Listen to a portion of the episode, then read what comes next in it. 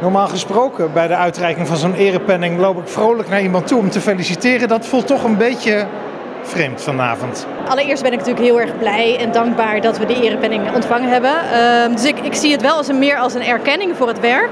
Waar inderdaad wel een randje aan zit uh, in het verlies van onze vrijwilliger Krijn. Dus dat klopt ja, dat het niet helemaal vol feestvreugde is. Maar wel ook iets is waarvan we zeker weten dat hij dat heel graag had willen ontvangen en daaraan had willen bijdragen. Dus in dat opzicht vind ik het juist wel een mooi moment en gelegenheid dat het nu wel gebeurt. Ja, jullie waren best wel met veel mensen volgens mij hier naartoe gekomen vanavond, hè?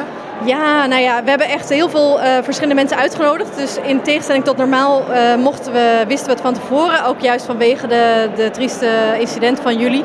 Ja. Uh, maar we hebben heel bewust ook wel alle, alle mensen die meebouwen en meewerken aan de, in de bakkerij. Dat die dus hier ook mochten gaan zitten. Dus mensen van het bestuur, mensen die normaal achter de balie zitten. Alle vrijwilligers. mensen die hier in het verleden ook voor de bakkerij gewerkt hebben. Dus al die mensen, eigenlijk is de hele brede vertegenwoordiging van de bakkerij was er wel vanavond. We hebben natuurlijk een nieuwe burgemeester, die was er van de zomer nog niet, maar hij is wel bij jullie langs gegaan, hè?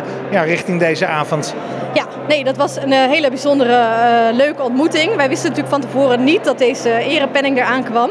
Eigenlijk dachten wij, oh, dit is een hele mooie gelegenheid. Eigenlijk zouden elk, elke nieuwe burgemeester die in Leiden zou komen, die zou bij ons langs moeten komen om gewoon een blik te krijgen van wat is nu die samenleving van Leiden en wie valt er nu, uh, nou ja, niet vanzelfsprekend in, in de, de middenmoot, maar wie valt er eigenlijk wat meer buiten de boot.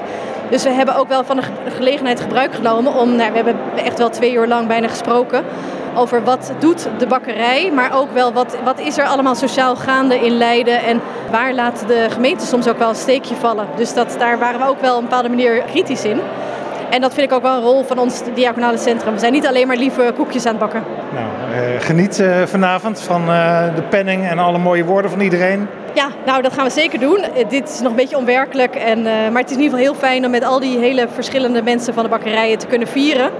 En ik denk dat ik ook de komende tijd juist de mensen voor wie wij ons inzetten daarin mee gaat nemen en delen. Van nee, maar deze penning is voor jullie. Uh, en wij blijven ons inzetten voor jullie. Dat is eigenlijk ook het belang van de penning.